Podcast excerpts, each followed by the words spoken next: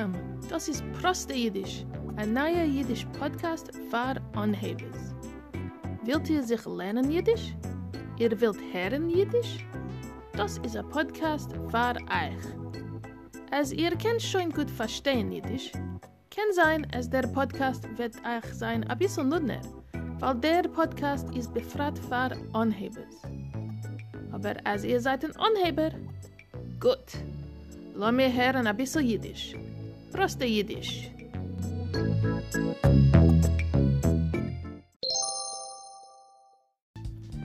Das ist Episode 2.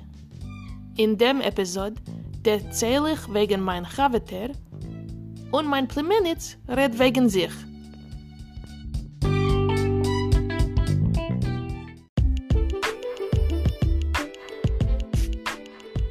A Chaviter von den Kinderjahren. Ich habe ein Chaviter, was ich kenne schon mehr wie 20 Jahre. Sie heißt Nell. Wir haben sich getroffen, wenn wir seinen gewesen elf Jahre alt. Wir seien gegangen in Mittelschule zusammen. Jetzt wohnt Nell in Coburg, was ist nicht weit von mein Haus. Nell ist ein Bibliothekar und euch ein Lehrer. Sie arbeitet in der Schulbibliothek. A Wade hat sie sehr lieb zu lernen.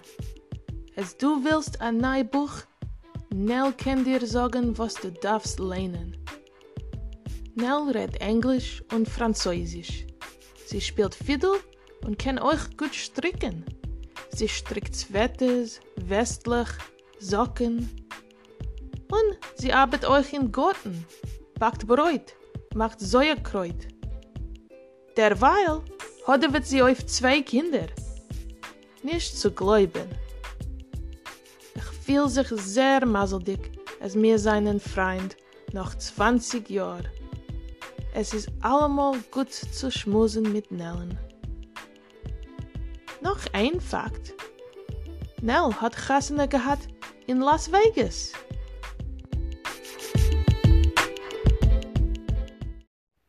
Auf dem Podcast wird ihr nicht nur hören von mir.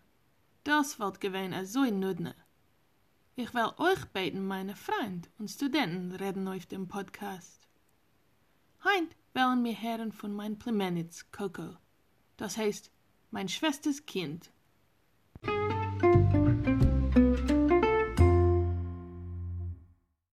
Ich heiße Coco. Ich wohne in Melbourne. Ich wohne mit meiner Mischpoche und mein Katz. Die Katz heißt Chibi. Ich bin 14 Jahre alt. Ich hab lieb zu verbringen mit meiner Havetes. Ich arbeite in einer Eiscremerie, aber ich kann nicht essen a Sach Eiscreme, weil ich darf arbeiten. Ich hab lieb zu backen und zu essen. Ich hab sehr lieb scharfe Essens und Malaysisch, Vietnamesisch und Italienisch essen. Mein Papa kommt von Polen und redet Jiddisch, Polisch und Englisch. Und mein Seide von Taterin Sad kommt von China. Er ist gefan a Künstler. Ich hab euch lieb zu machen Kunst.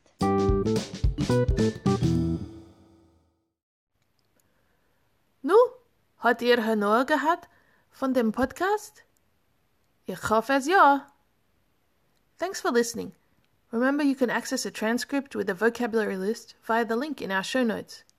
There's also a link to our feedback form. We'd love to hear from you.